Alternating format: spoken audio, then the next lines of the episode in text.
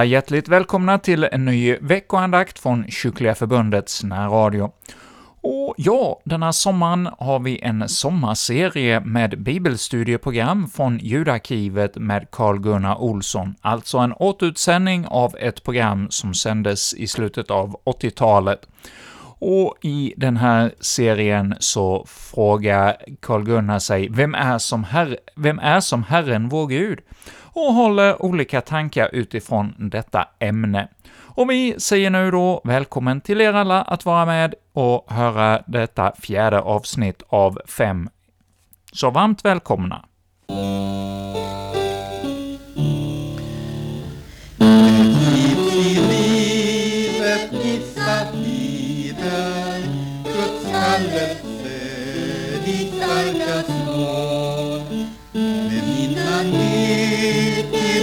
Den strider så sök den dit som ej förgår om det skall gå i glädjens slut så överväg din sak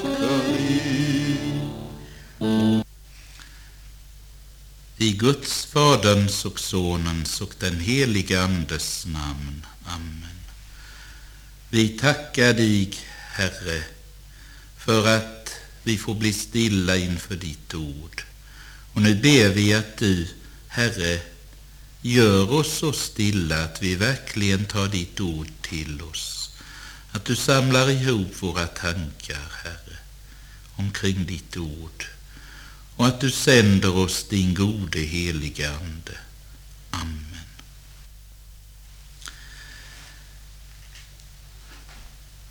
Vem är en sådan Gud som Herren vår Gud?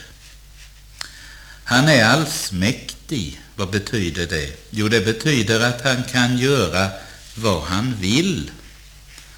Han är Herren Sebot, han är härskarornas Gud. Det står i Saltaren i den 46 salmen, gärningar som väcker häpnad gör han. Han är Herren och då tror vi också att han kan göra under. Då tror vi också att Herren, han är Herre även över naturlagarna. När jag läser i min bibel om de här underbara och underliga händelserna som hände på Gamla testamentets tid, då tror jag detta. Jag tror helt och fullt att Herren kunde bjuda jorden stanna upp i sin bana runt solen. Jag tror fullt och fast att detta skedde då på Josuas tid, när solen stod stilla i Ajalons dal. Jag tror fullt och fast att Herren kunde föra Israels barn tårskoda genom Röda havet. Jag tror fullt och fast att Herren kunde låta Jerikos starkt befästa murar falla som korthus när basunerna skallade. Det var inte basunerna och deras ljud som fick murarna att störta, då skulle de verkligen ha varit dåligt uppförda, utan det var genom Herrens makt. Jag tror att Herren kunde bevara Daniel i lejongropen och de tre männen i den brinnande ugnen. Och vi kan vara övertygade om detta, mina vänner, att även i det fallet gäller det att Herrens arm är inte för kort, så att han inte skulle kunna gripa in och göra sådana under också i vår tid. Vår store Gud gör stora under. För vår store Gud, mina vänner, han är lika stor idag som han var på Moses tid på Josuas tid, på Daniels tid. Och han kan om han vill göra samma under idag. En Gud som inte kan göra några under är ju ingen Gud. Det är stora under som sker. Vi kan tänka på Israel. Jag skäms inte för att säga det, att det är ett Guds under, för det är det. Man tänker på hur fromma bibelutläggare de eh, har skrivit om att Israel ska komma tillbaka till sitt land igen. Ja, det såg inte ut att kunna gå i någon uppfyllelse. Jag har tidskrifter, till exempel från 30-talet, och i dem läser man sånt som sen gick i bokstavlig uppfyllelse. Israel är ett Guds under. Och Gud kan ännu göra sjuka människor friska.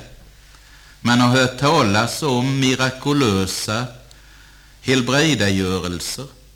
Människor kan säga det är omöjligt, det kan aldrig ha inträffat. Men Herren kunde göra sånt förr och Herrens arm är inte för kort så att han inte skulle kunna göra det nu. Han kan ännu göra blinda seende, döva hörande och så vidare. Tänk, mina kristna vänner som lyssnar, om vi hade tro, vore den bara som ett senapskorn. Då skulle vi säkert både se och erfara härliga ting. Underbara bönhörelser skulle väcka den största förundran bland oss. Men det är som om många kristna tänkte att allt sånt, stort och underbart, det var bara sånt som skedde då, skedde förr, skedde för ett par, tre tusen år tillbaka. Men det kan inte ske nu. Varför kan det inte det? Nu ska vi komma ihåg, inte bara det som i denna världen räknas för stort och högt och övermåttan underligt och underbart och under. Vad vi är och vad vi ser runt omkring oss, allt är i själva verket under. Vår kropp, våra olika kroppsdelar och inre organ, jag tackar dig Gud för att jag är danad så övermåttan underbart, utbrister salmisten. Detta att du vaknar på morgonen och slår upp dina ögon och ser. Att du sätter fötterna i golvet och går. Att du tar med dina händer, att du kan tala, att du kan svälja. Att födan smälts och näring sugs upp i din kropp, att blodet pulserar i alla de oändliga små blodkärl som finns överallt i vår kropp. Detta är ju under. Och om du tar ett litet grässtrå om du har tillgång till ett mikroskop och lägger grässtrået där under och ser, eller ett litet löv, så ser du det är ett under. Det är mästerligt uppbyggt, men vem besinnar det? Vem är som Herren vår Gud? Och en sak ska vi komma ihåg. Är du en sann kristen, så är du själv ett stort under. För det kunde du inte bli av dig själv. Det är Herrens under från början till slut. Detta att en människa blir född på nytt, blir förvandlad. Till exempel Moses, han var ju fruktansvärt häftig, det vet vi. Vid ett tillfälle när han ser hur en egyptier torterar och piskar en eh, israelitisk man så grips Moses av en sån vrede att han överfaller egyptiern och slår honom så hårt att han dör. Han var häftig, men sen längre fram så läser vi om att Moses var saktmodigare än någon annan. Tänk att kunna förvandla en människa så. Det kunde bara Herren. Han gick i Herrens skola.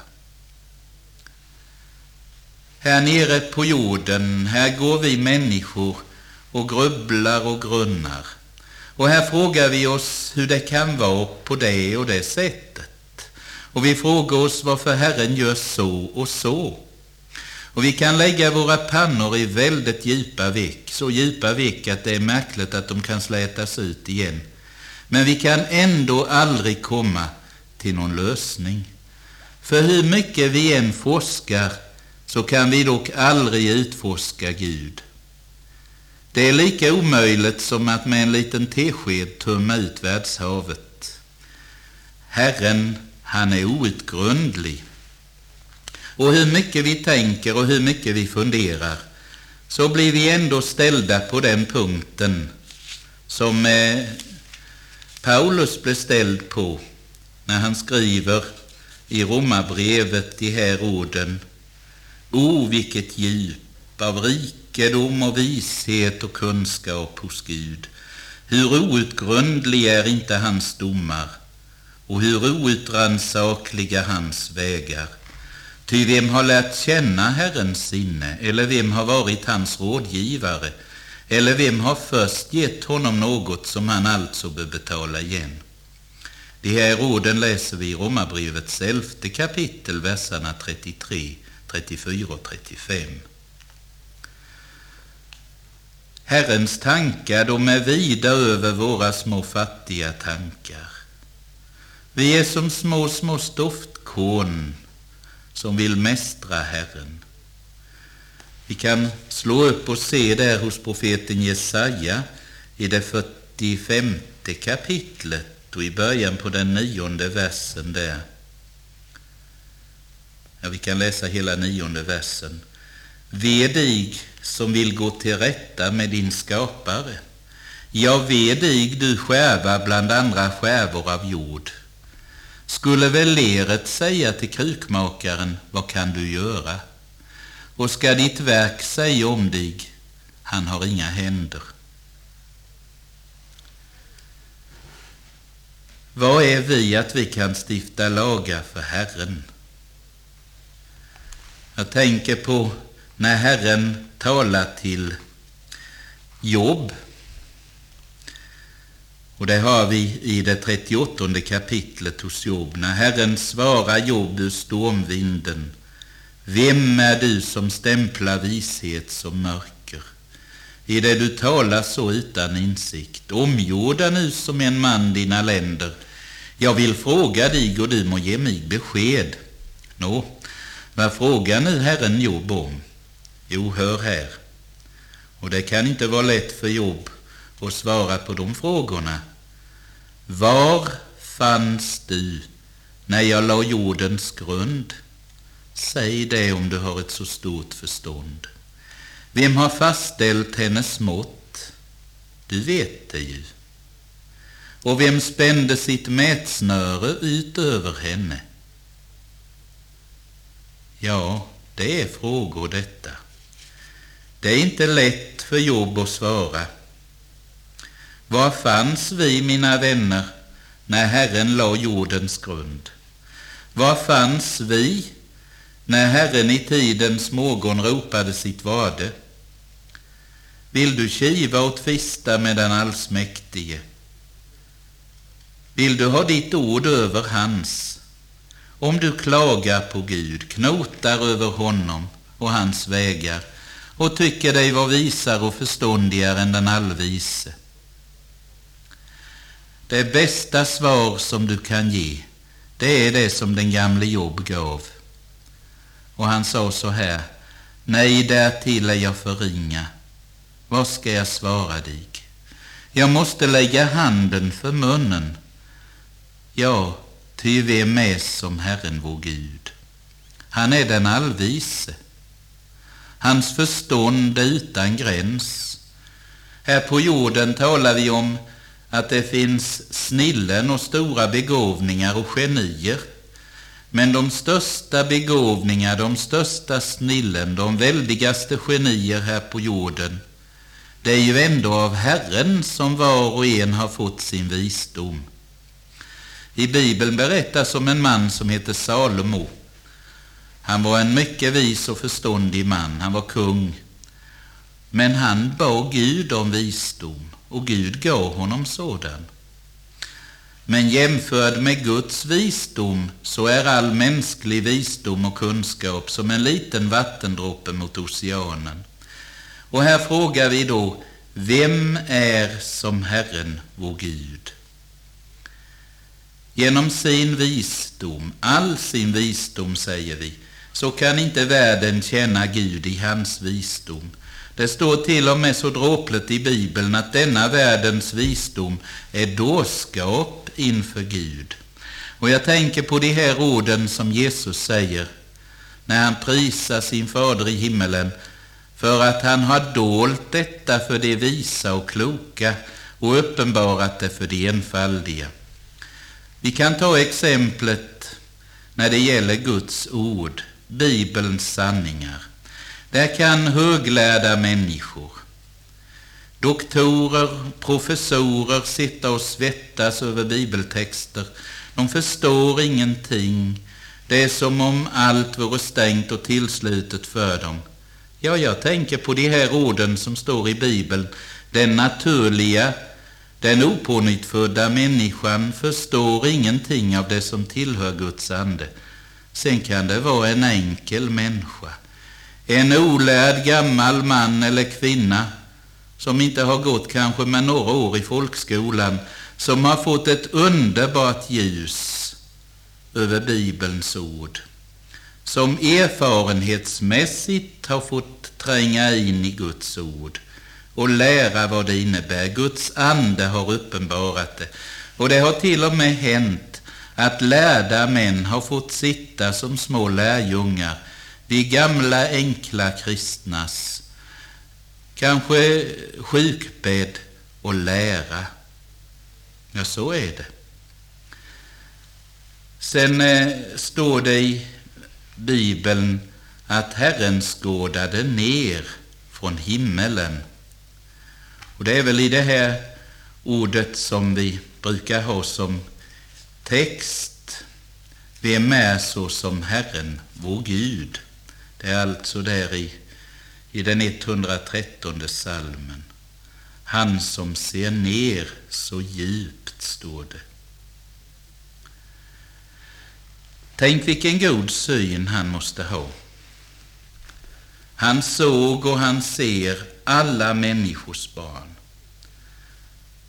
Inte bara så som man från en flygmaskin på en 8-9 tusen meters höjd ser ner. Är man så högt uppe så kan man ju inte urskilja människor. Man ser enstaka samhällen och städer kan urskilja att det är städer och samhällen, men annars är det inrutade fält. Men Herren som bor så högt, han ser allt. Han ser oss var och en. Han ser oss nu. Han ser mig när jag sitter här och talar. Han ser dig som sitter där vid din radioapparat och lyssnar. Han ser oss, även om vi skulle tänka så här att nu ska vi försöka gömma oss. Och om vi försöker gömma oss i det mest säkra och djupaste skyddsrum, eller försökte fara ner i det allra djupaste gruvschakt, det hjälper inte. För det är som det står i den här Saltasalmen 139. Vart skall jag gå för din ande och vart skall jag fly för ditt ansikte? For jag upp till himmelen så är du där och bäddade jag åt mig i dödsriket. Se, så är du också där. Tog jag morgonrodnadens vingar, gjorde jag mig en boning ytterst i havet, så skulle också där din hand leda mig och din högra hand fatta mig. I en gammal psalm, i den gamla psalmboken, stod den som 588 och där står det i en vers Du gömma kan din styggelse för blickarna av solen men icke för hans ansikte som sitter upp på stolen. Stolen är detsamma som tronen, himlatronen. Vi kan inte gömma oss för Herren. Men han ser oss inte bara så som vi ser varandra när vi träffas, hurdant utseende vi har, hurdana kläder som vi har på oss, hur vi rör oss och så vidare. Utan i den här salta salmen som jag citerade den 139, där står det också ”I vad jag sitter eller uppstår vet du det, du förstår mina tankar fjärran ifrån. Alltså, vad du tänker just nu i detta ögonblick, vad ditt hjärta är fyllt med, det ser Herren. Han läser i ditt och mitt inre som i en uppslagen bok. Uthärdar du den läsningen? Men han ser oss inte bara så att han kallt konstaterar vad vi tänker och hurdana alla våra innersta bevekelsegrunder är. Så att Herren är bara någon sorts tankeläsare. Utan Herren är sån att han också griper in i den allra minsta detalj. Vi kan inte fatta att den store guden skulle kunna, eller åtminstone skulle vilja befatta sig med sådana småsaker som vi aldrig skulle kunna tänka oss offra den minsta lilla tanke åt. Är det sådana småsaker som Herren tänker på? Ja då, det gör han när det gäller hans vänner. Vi kan slå upp och se vad Jesus lär oss om detta i Matteus tionde kapitel. När vi har hittat det kapitlet så ska vi se där på vers 31 och 32. Ja, vi kan börja redan på 29 versen. Säljas icke två sparvar för en skärv, och inte en av dem faller till jorden utan eder faders vilja. Men på er är till och med huvudhåren allesammans räknade. Frukta alltså inte, ni är mer värda än många sparvar. Om nu Herren tänker på en liten gråsparv, eller till och med räkna huvudhåren på huvudet, vet om när man tappar ett hår, skulle han då glömma bort en människa? Säg det. En människa som är skapad till hans avbild och som är löst med sin käre sons heliga och dyra blod. Och ännu mer, skulle han glömma bort någon av de sina, som ändå ingenting högre vill än få höra honom till och bli bevarad på vandringen genom livet. Skulle han kunna detta? Nej, ingalunda. Där i den fyrtionde kapitlet hos profeten Jesaja, när Herren har talat om att han för härskaran där uppe fram i räknade hopar, när det talas om hans väldiga makt och detta, då står det, hur kan du då säga sånt du Jakob och tala så du Israel, min väg är fördold för Herren och min rätt är försvunnen för min Gud. Nej, du ska komma ihåg detta, att han har inte glömt dig. Han kan inte glömma de sina. Det står i Uppenbarelseboken, jag vet var du bor. Herren har noga reda på detta, det ska du komma ihåg. Han vet precis hur du har det denna stund. Du kanske har sorger och bekymmer och strider. Herren vet detta. Han vet precis om allt. Du säger så här, det är som Herren hade glömt mig. Men ser du, det gör han aldrig. Du kanske har ropat och du tycker att det är som du inte får något svar.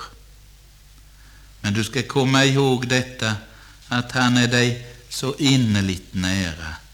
Min kristne vän, broder och syster i tron. När allt känns som svårast, när det inte ser ut att bli någon ljusning alls, så ska du komma ihåg detta, att du vilar i Herrens hand. Och han bär dig. Du kanske känner ingenting av detta, det känns inte i känslan nåväl, men det är ändå så. Herren har sagt det i sitt ord. Och bär han dig, då bär han också det som du bär på, det som tynger och trycker dig.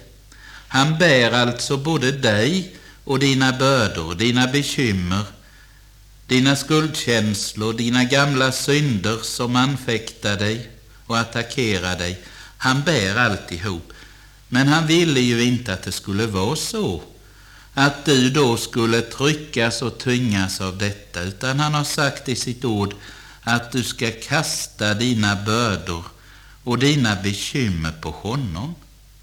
Det är väl alldeles onödigt att du ska tryckas av dem när Herren bär dig.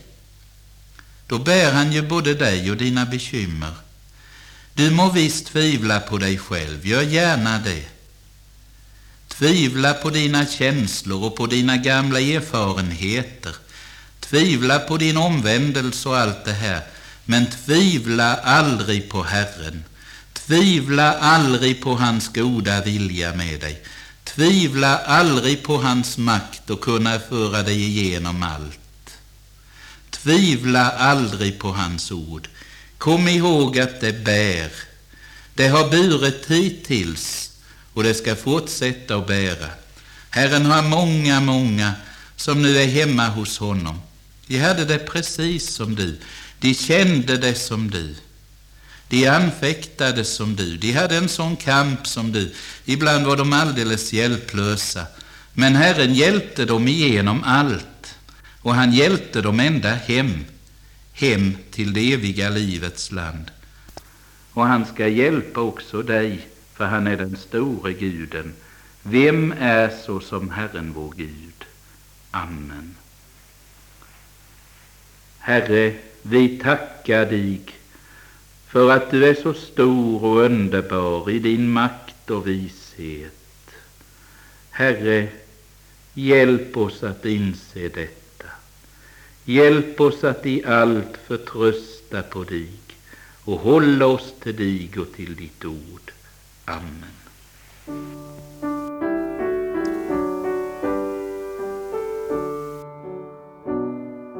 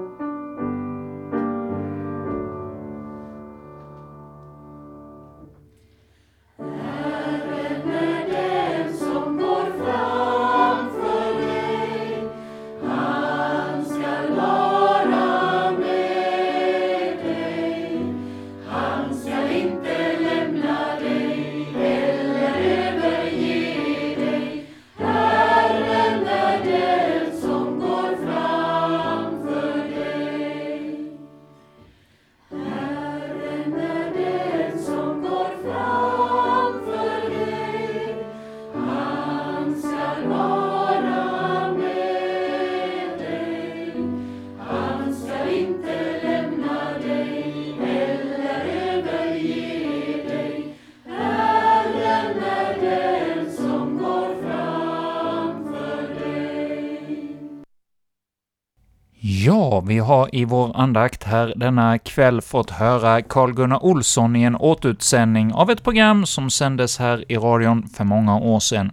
Ja, i denna serie som vi lyssnar till denna sommar så har Carl-Gunnar temat ”Vem är som Herren, vår Gud?” Ja, Herren som går framför oss och för oss och leder oss, som vi fick höra Slättug kyrkokör sjunga här för oss som avslutning på denna veckoandakt.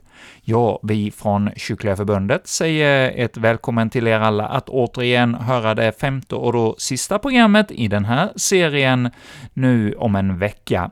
Och har du missat något av programmen, ja, gå där gärna in på vår hemsida, kyrkligaförbundet.se. Där kan du, när du själv vill, lyssna till alla dessa andakter och de övriga andakterna vi har haft här i radion under våren.